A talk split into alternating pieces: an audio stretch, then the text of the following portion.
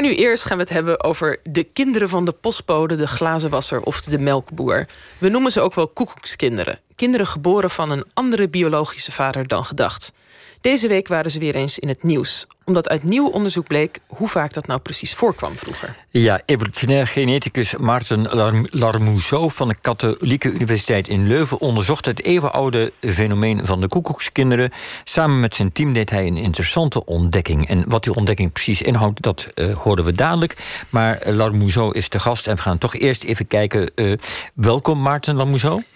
Ja, goedemorgen. Ja, goedemorgen ook. Uh, laten we gewoon even beginnen bij het onderzoek. Waarom zijn jullie naar dit uh, fenomeen van de koekoekskinderen onderzoek gaan doen?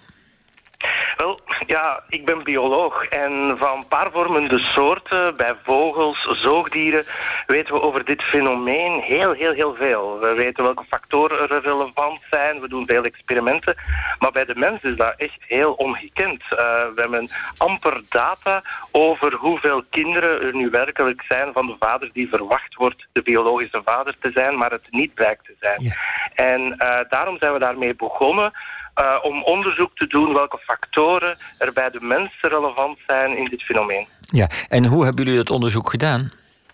Wel, we kijken vooral naar het verleden, omdat in het heden het bijzonder moeilijk is om het te meten, zowel logistiek als ethisch. Uh, kijken we dus uh, vooral naar het verleden en wij koppelen uh, DNA-gegevens aan stamboomonderzoek. en op die manier proberen we in te schatten hoeveel kinderen er in het verleden van een andere vader blijkt te zijn. Dus het is heel belangrijk om, om een koekoekskind goed te definiëren.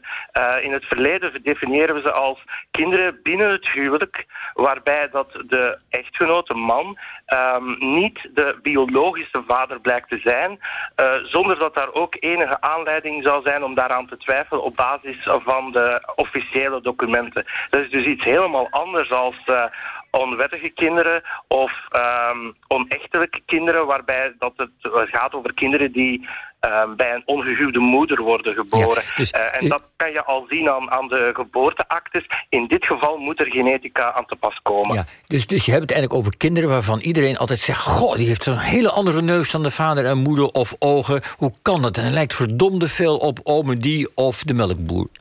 Absoluut, ja. Het wordt heel vaak gebruikt in, in grapjes hè, in, in, en in, uh, in, in tv-series. En het is daarom zo verbazendwekkend dat wij daar wetenschappelijk zo weinig over kennen. Uh, er zijn maar enkele studies bekend uh, wereldwijd. Dus uh, er wordt daar heel weinig over onderzoek gedaan. Het is ook ja. taboe en in sommige landen kan het zelf vervolgd worden als dat zou blijken natuurlijk. Nou, hou ons niet langer in spanning. Wat, wat, wat is er uit je onderzoek Oei. gekomen? ja, wel, we hebben eigenlijk gezien vandaag de dag van de weinige studies die er zijn, is er ongeveer 1% uh, van de kinderen niet van de uh, vader, van de verwachte vader. En in het verleden is dat ook altijd zo geweest. In die grootorde van 1, maximum 1,5%, zeker in de westerse samenleving, voor de laatste 400, 500 jaar gemiddeld. Uh, waar we nu naar specifiek hebben gekeken is in Vlaanderen en Nederland zijn er misschien doorheen die eeuwentijd toch geen verschillen uh, tussen bepaalde bevolkingsgroepen of bepaalde groepen. Dus we hebben ook gekeken naar verschillen tussen platteland, tussen stad, tussen uh, sociaal-economische klasses. En uh, verrassend genoeg zien we in de 19e eeuw dat we daar een, een groot verschil zien, meten, tussen kinderen in, een, in, of, in het aantal koekoekskinderen in de lage sociale klasse, waarbij het veel hoger was dan in de uh, hogere klassen en in de middenklasse uh, en, en, bij de boeren waar het uh, ongeveer zo'n 0,5% kans had. En bij arbeiders in de grootsteden zitten we ongeveer volgens onze statistische methodes rond 6% kans ja. dat een kind niet van de vader was. En dat is dus ongeveer 1 op de 20. Dat is inderdaad redelijk veel. En, en je zegt dat jullie waren verrast daardoor. Wat, dat, ja. dat was anders dan jullie hadden verwacht? Ja, we hadden helemaal geen grote verwachtingen of van verschillen te zien. Als we al verschillen zouden zien, dan dachten we ze eerder zoals uh, in, het, in de schilderij van Jan Steen of in Shakespeare uh, toneelstukken, dat het vooral bij de hogere klassen zou voorkomen, waarbij er een groot leeftijdsverschil is tussen man en vrouw. Daar werd altijd allusie op gemaakt dat die kinderen vaak niet van de vader zouden zijn. wel, we zien juist het omgekeerde. We zien vooral in de 19e eeuw een toename uh, bij die lagere sociale klasse. En dat was heel ver, verbazingwekkend voor ons. Wij hadden daar niet naar gekeken en, of niet aan gedacht. ook al omdat als we bronnen vinden in de archieven waarbij er een vaderschaps dispuut is, hè, waarbij men twijfelt over vaderschap, dan is het ook altijd in die hogere klasse. Maar ja, dat heeft natuurlijk ook te maken met erfeniskwesties. En dus geeft dat toch wel een vertekend beeld van de werkelijkheid, blijkbaar. En dus door die combinatie tussen stambomen en DNA kunnen we nu een, een nieuwe...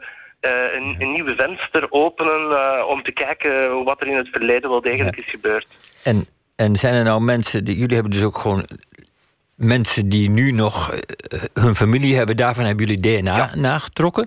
Zijn er dan mensen bij die nu troost nodig hebben omdat ze een koekoekskind of koekoekskinderen eh, daarvan afstammen, die jullie moeten begeleiden? Hebben jullie, is er ook een, een, een hulpnummer?